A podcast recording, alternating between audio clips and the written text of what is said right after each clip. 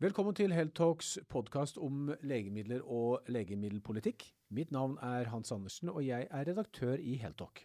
Og mitt navn er Lars Bjørk Nilsen, journalist i Heltalk. Jeg er med dere i dag med litt forkjøla stemme, men uh, det skal vi klare å komme oss gjennom. Uh, Hans, det er onsdag 1.2 i dag. Og dette er det vi skal snakke om i denne episoden. Ja, På tirsdag så la Apotekutvalget frem sin NOU til helseministeren. Her var det en del sprengstoff, og det blir spennende å høre om. Og Farmastat har jo lagt fram legemiddelstatistikken for 2022. Eh, og nå vet vi jo Hans hva som er de ti største legemiddelselskapene og de ti største legemidlene i Norge. Og vi skal også snakke om Legemiddelverket, som har eh, faktisk omorganisert seg. Hva betyr det, spør vi. Kanskje betyr det at eh, de hurtige metodevurderingene kommer til å endelig til å gå hurtig. Hvem vet. Men først et ord fra vår sponsor, som i dag er vår egen nettavisen Heltalk. Heltalk er Norges ledende nettavis for deg som vil holde deg oppdatert på nyheter om legemidler og legemiddelpolitikk. Vi lager nyheter for deg som jobber i helsevesenet eller er beslutningstager. Vi publiserer daglig artikler og videoer på heltalk.no, altså heltalk.no. Følg oss gjerne på LinkedIn, Facebook og Twitter, og meld deg også på nyhetsbrevet, så du ikke går glipp av noe. Det var reklamen, Lars. Ja, Hans vil starte med å snakke litt om Apoteklovutvalget, som eh, la fram denne rapporten sin, NOU-en, til helse- og omsorgsminister Ingvild Kjerkol nå på tirsdag. Og Det var jo noen uh, hovedpunkter uh, som vi må trekke fram til å begynne med. Ja. Uh, det ene er jo at Målet er nå at det skal bli lettere å etablere uavhengige legemiddelgrossister mm. i den konkurransesituasjonen som vi er i i dag. Mm. Eh, og Et annet viktig punkt var jo dette her med ønsket om å fjerne krav til fysisk tilgjengelige publikumsområder i apotekene. Ja. Uh, Hans, uh, du og vår videofotograf var jo ute og deltok på denne overleveringen til Kjerkol. Eh, hvilke inntrykk er det du sitter igjen med med reaksjonene som har kommet? Ja, Vi intervjuet jo flere av aktørene her nede, og, og snakket bl.a. med Tore Bråten, som er BI-professor, eh, og, og, som sier rett ut at eh, apotekbransjen de trenger mer konkurranse. Og Årsaken til det er bl.a. at han ønsker, og flertallet i utvalget ønsker at det skal etableres nettapotek, flere nettapotek og alternative modeller eh, enn det vi har i dag, som, som et, er jo et marked som er fullstendig dominert av de tre vertikalintegrerte apotekkjedene. For vi har jo i dag eh, Apotek 1, mm. eh, vi har Vitus apotek, og så har vi Boots apotek. Mm. Det er jo de tre store kjedene mm. som er jo da vertikalintegrerte sammen med sine egne mm. grossister. Mm. Og dette gir jo dem en voldsom makt hans, eh, ja. hva slags makt er det de har over eh, markedet i dag? Ja, altså, de sitter jo jeg, jeg, vil sammenligne den makten de har med som, den makten som dagligvareaktørene har. Altså de, de, tre, Der er det jo også til forveksling tre, likt. Altså det er tre store aktører der. Det er Norgesgruppen, eh, Rema og, og Coop. Også de sitter jo med sine egne grossister og har en voldsom forhandlingsmakt eh, eh, her. Og sitter og styrer veldig mye av marginbildet. Det, som har vært, det som har skjedd, det er at i, i, på begynnelsen av, altså for rundt snart 23 år siden, så, så, eller for 23 år siden, så, så ble apotekbransjen deregulert. Altså Før så var det bare mulighet for apotekere å eie apotek, men plutselig ble det lov for da andre å kunne gå inn og eie. Og da gikk eh, utenlandske store selskaper, altså som du var inne på, eh, tyske og engelske, inn og kjøpte opp det som var av norske apotek, og har etablert en rekke nye apotek i, i, i Norge. Eh, og det er jo vel og bra. Utvalget er jo veldig fornøyd med at det er blitt en veldig god apotekdekning, og det sier statsråden også. Men problemet er at disse tre kjedene har blitt veldig dominerende, og det er vanskelig for nye aktører å slippe til. Bl.a. Eh, et, et herværende nettapotek nede i Sandefjord.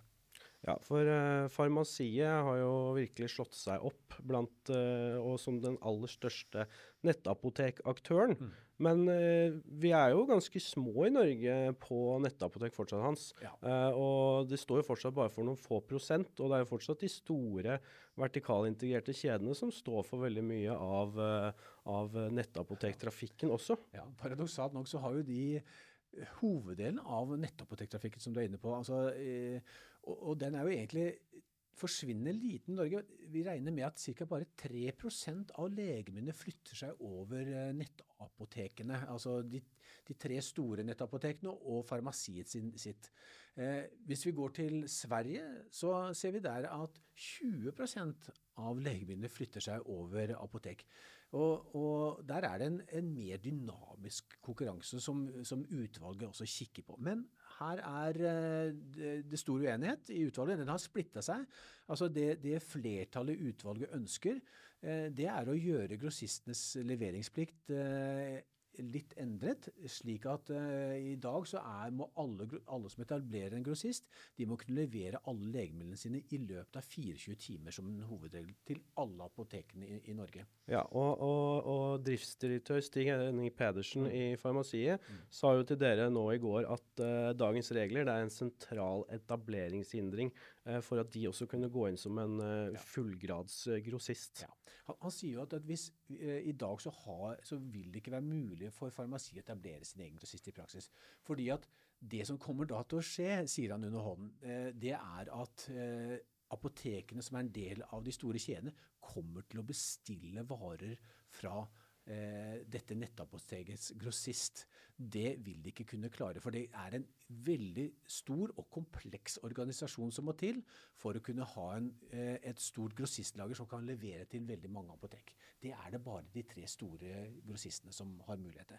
Så, så det håper de Det er forslaget til nå, dette utvalget, at denne leveringsplikten skal uh, dempes noe ned, uh, slik at det blir mulig for uh, andre også å etablere grossister. Men her, ikke uventet, er Apotekforeningen, som da representerer realiteten i de tre store kjedene, de er klart imot dette. og, og Farmasøytforbundet er også kanskje litt overraskende imot. jeg tenker vi må komme oss litt videre. Hans, vi har jo mer vi skal prate om her. Mm. Um, vi skal over til legemiddelstatistikken fra, fra Farmastat, ja. Ja. Som, uh, som, kom nå i desember. Ja. Og denne viser jo uh, totalbildet også for 2022. Uh, eh, hovedpoenget er jo ganske klart, hvis vi ser her. Novo Nordisk vokser svært raskt. De hadde jo over 50 vekst mm. i 2022. og klatra hele seks plasser på lista, fra en åttendeplass til en andreplass. Uh, og de er nå det nest største legemiddelselskapet i Norge, mm. uh, basert på salgstall med 1,6 milliarder kroner i omsetning. Mm. Uh, og ligger jo nå kun bak det soleklart største legemiddelselskapet i Norge, som er generikaselskapet Sandos. Og de mm. har 1 milliard mer i omsetning enn noe Nordisk. Mm. Um, og på legemiddelsiden så er, ser vi jo da at det er blockbuster kreftlegemiddelet Kitruda som eh, troner øverst nå, mm. uh, med leddgiktlegemiddelet Hyrimos ned på andreplass mm. uh, fra fjoråret. Jeg må spørre deg, Du har jo sett på den statistikken fra Farmastat. Uh, Lars. Hva er årsaken til at, at Novo Nordisk avanserer så kraftig? For i, Går vi bare tilbake et år, så lå de på åttendeplass, og nå ligger de på andreplass. Uh, og så er det et generikaselskap som du sier foran, men det er jo Sandos. men det, de tallene er jo litt Selv om de er på papiret ser jeg er, er, størst, så er jo dette, å jo de så store rabatter. så det, det, kan godt være at Novo Nordisk faktisk er det største legemiddelselskapet i Norge. Ja. Så, så, hva er grunnen til det? Nei, altså Det vi kan lese ut fra den statistikken her, så kan vi jo bare da gå over på legemiddelstatistikken eh, og se jo at uh, Novo Nordisk har jo fått inn to legemidler nå. Mm. Eh, slankemedisinene Saxenda og Osempic, mm. som begge er da inne på en henholdsvis eh, sjette- og sjuendeplass mm. eh, på lista. Og disse slankelegemidlene har jo hatt en enorm salgsvekst eh, nå de siste årene, eh, og har jo gjort da at eh, noe nordisk har steget noe voldsomt. men som vi vet, og som vi har skrevet om hans, så har det jo skjedd endringer nå mm. som vil påvirke Novo for 2023. Kan ikke du gå litt inn på det? Jo, det er skjær i sjøen definitivt. For uh, Saxenda, som er jo et, uh, ikke bare i Norge, men internasjonalt, er en virkelig storselger for uh, Novo Nordisk. Der har Legemiddelverket nå gjort en, en endring. Og, da må vi introdusere et nytt slankelegemiddel som Novo Norge også har, som er som, er, eh, som selskapet og leger har enda større forhåpninger, og det heter Vegovi. Så det, den, den, har en, en, en, slankende effekt som er nesten eller ganske parallell med bypass, gastric bypass, altså operasjon. Eh, det som skjedde her, da, Lars, det var jo at um, Legemiddelverket gjør som de alltid skal gjøre. De gjør en hurtig metodevurdering for å se om legemiddelet er kostnadseffektivt. Eh, så da holder de opp eh, effekten eh, mot prisen, og så ser de på sykdommens alvorlighet. For dette er jo en sykdom. Og så konkluderer de med at nei, dette er for dyrt. Dette er ikke kostnadseffektivt i forhold til sykdommens alvorlighet. Og da gjør de også den konklusjonen at Saxenda, som har den samme prisen som Vegovi, men som har dårligere effekt, heller ikke da er eh, kostnadseffektivt. Så da gjør de umiddelbart en endring fra 1.2, altså at i realiteten så fjerner de eh, muligheten for eh, pasienter til å få eh, Saxenda på blå resept. Så det, er, eh, det, kommer jo selvfølgelig til å bli eh, å merkes for Novo Nordisk på disse salgstallene, og det kommer til å merkes for pasientene. Og, og da er det jo lett å tenke seg at dette vil jo ikke kunne se likt ut som det har gjort nå for 2022-statistikken. Mm. Vi kan jo bl.a. se at eh, for, eh, for, hele året 2022 så hadde Saxenda alene en 185% økning i salget. Mm. Eh, og, og, det var også en dobling, 100 Eh, for Osempic. Eh, så, så, så, dette vil jo virkelig kunne påvirke, og mulig påvirke både legemiddelplassene og selskapsplassen for Novo Nordisk på denne lista. Ja, og Det er jo interessant å se at, eh, at nå har Legemiddelverket og Helsedirektoratet, og jeg vil også si Helsedepartementet, fått et økt fokus for å se på utviklingen i kostnadene på legemidler som er innført og eh, refundert gjennom blåreseptordningen. Eh, her, som du, disse, denne en, skal vi nesten si, rakettveksten i, eh, i, bruk av disse slankelegemidlene. Det er vel rundt 18 000 som har fått de foreskrevet på, på, på jevnlig basis. Altså, det er nok har gått, gått, for fort og for langt og, og blitt for dyrt. Det er, det er nok ingen tvil om det kan også legge til til slutt at uh, Novo går jo litt imot strømmen i forhold til mange andre selskap på denne lista. Uh, det er jo et, uh, veldig, veldig, tydelig at mye her går på kreftlegemidler, uh, persontilpassa medisin innenfor det området. Mm. små, sjeldne indikasjoner, små pasientpopulasjoner. Mm. mens her slår Novo seg stort opp. Eh, med de store folkesykdommene, eh, diabetes mm. og, og, fedme, mm. eh, og, og, klarer virkelig å slå gjennom med det. Eh, hva tenker du om det, Hans? Ja, det er, altså, dette er et formidabelt altså, når, vi, når vi tenker på et dansk legemiddelfirma, så er jo ikke dette som et norsk, de små norske legemiddelfirmaene, i den grad vi har noen legemiddelfirmaer i Norge, unike. Dette er verdensledende selskap innenfor diabetes, fedme og en del andre legemiddelkategorier, men særlig de to første. Altså kom, eh, i, på, på, onsdag så la de fram årsresultatene for 2022, og den viser at Selskapet omsetter for ikke mindre enn 260 milliarder eh, kroner, norske kroner og har eh, et overskudd på 81,5 milliarder kroner. Det er et svimlende tall. Det er svimlende tall. Altså, disse her er jo mer verdt eh, enn jeg håper å si, jeg ser gamle Statoil eller Equinor. Altså, mm. Dette er virkelig en hjørnesteinsbedrift i Danmark, og vi ser at veksten internasjonalt er nesten ikke så stor som i Norge på slankemidler, og, og diabeteslegemidler, men ligger på 20-30 eh, så, så det er voldsom, eh, voldsom vekst. Vi kunne jo prata lenge om det her, eh, Hans, men vi måtte nesten holde oss til hovedpoenget i dag. Ja. Eh, Healthtalk har tenkt å følge opp litt den saken, og vi skal ta en prat eh, bl.a. i morgen med Farmastat-sjef eh, Christian Gillhus Moe. Mm. Eh, så det kan dere lese mer om eh, i løpet av uka på, på nettsida vår, healthtalk.no. Ja. Vi må ta siste saken. det er Legemiddelverket som omorganiserer seg, Lars. Eh, du har, eh, du har, snakket med sjefen i Legemiddelverket, Audun Hågå. Hva er det han sier? Hvorfor gjør de det her? Nei, eh, når jeg snakka med han, så sa jeg at eh, dere har jo akkurat omorganisert dere, men han sa jo at det er jo faktisk seks år siden eh, sist, så tiden flyr jo i dette ja. legemiddellandskapet. Eh, men de har nå fått et nytt organisasjonskart, eh, og Audun Hågå sier jo til oss at eh, håpet og målet her er jo å få en mer effektiv og tydelig organisasjon. Uh, uten å miste det positive som han har klart uh, på disse siste seks årene. Da. Uh, men han sier også at det fins ikke noe slikt som en ideell organisering. Mm.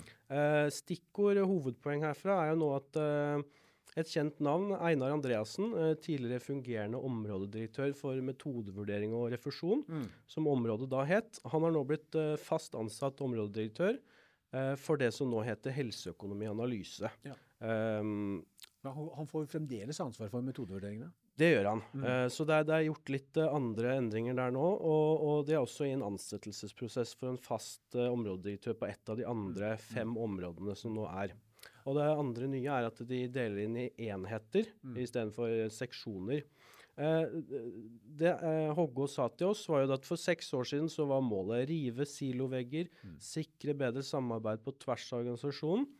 Eh, nå eh, skal man i større grad samle oppgaver og arbeidsprosesser som hører naturlig sammen, eh, men samtidig beholde lagarbeid for å unngå siloer. Mm. Og de har også sett da på møtestrukturen sin for å få den mer effektiv. Mm. Um, men så spurte han også litt om dette her med, med hvordan har kritikken som har kommet på metodevurdering, ja. spilt inn. Du kan jo kanskje gi oss litt innsikt først, Hans. Hva, ja. hva er saken der? Ja, Altså, eh, jeg må jo si at altså, Legemiddelverket har jo i flere år eh, klaget på at eh, de har for lite kapasitet eh, til å gjennomføre hurtige metodevurderinger. Slik at det som skal være en hurtig metodevurdering, har ofte tatt mer enn 180 dager, som er normen eh, for det de legger seg på. Det har ofte tatt eh, opp mot et år, og, og vel så det. Eh, det skyldes selvfølgelig ikke bare utfordringer innad i Legemiddelverket. Det, det skyldes jo også ikke minst at det kommer stadig nye legemidler som skal metodevurderes. Eh, det har jo skjedd en rivende utvikling innenfor, ikke minst innenfor kreft, eh, men også innenfor eh, sentralnervesystemet. Og, og, vi har fått genterapi, vi har fått bispesifikke antistoffer, antistoff-legemiddelkonjugater, som aldri verden før har sett, og som krever en en grundig gjennomgang av Legemiddelverket. Og de skal da igjen de skal vurdere effekten, sykdomsalvorlighet, opp mot legemiddelets pris. Eh, så det eh, kommer til tid før det kommer til syvende og sist til Beslutningsforum. Så, så, så eh, Legemiddelverket har fått, betimelig vil jeg si også, kritikk for at det har gått for seint. Så det er, jo, det er litt det Hågon nå, Hågon nå, tror jeg prøver å få til med denne omorganiseringen. Lage en mer sånn min og lean organisasjon, slik at det skal være mindre friksjon innad i, eh, i eh, Legemiddelverket. Slik at de kan gjøre sitt samfunnsoppdrag bedre. Og det er et veldig viktig samfunnsoppdrag de har fått. Og det var jo det vi spurte han om avslutningsvis i denne artikkelen vi hadde med han, om hvordan de har sett på dette med arbeidet med metodevurdering, og hvordan det har spilt inn i ny organisering. Det han sier til oss, er at de har tatt hensyn til kapasiteten mm. på metodevurderinga mm. for å være så effektiv som mulig, og at de har hatt arbeid i forskjellige innsatsgrupper. og at organiseringen kanskje har hatt en viss betydning, men ikke først og fremst organiseringen de løser de utfordringene her. Uh, så spurte jeg litt åssen det går, og han sier jo nå at jeg syns vi har klart å snu en vanskelig utvikling, og vi står i en langt bedre situasjon nå enn vi gjorde i fjor sommer. Mm. Det må jo være et godt tegn, det, Hans? Det er et godt tegn. Og, og han, det var en, en, form for kriseforståelse i Legemiddelverket som endelig slår inn. Hågås sa jo sjøl til VG at uh, i sommer at nå har jeg trykket på den røde knappen. Uh, underforstått det tar for lang tid, nå må vi gjøre grep. Uh, så, så, dette er jo, denne omorganiseringen er jo et element i å, å si, konsekvensen av den røde, røde knappen. Og han, nå får han jo interessant også skryt, ikke bare av eh, Beslutningsforumssjef Inge Katrine Bryne. Eh, hun skryter av hva som har skjedd i Legemiddelverket siste halvåret særlig. Hun får også skryt av eh, helseminister Ingvild Kjerkol, som er sikkert kjærkomment for en etat som har jobbet på spreng og på kapasitetsgrensen i mange år, og som har gjort mye bra, men som sliter med store utfordringer. Jeg syns dette var en uh, fin uh, oppsummering hans av de siste tre, og kanskje de viktigste sakene mm. vi har jobbet med siste uka. Du kan få siste ordet. Ja, takk for det, Lars. Og, uh, og hvis vi kommer tilbake med oppsummering neste uke også, hvis du har tips og innspill til saker som Lars og jeg skal snakke om, om du har tips til interessante personer i studio, send oss gjerne en mail på tipsatheltalk.no, så snakkes vi. Takk for i dag. Takk for i dag.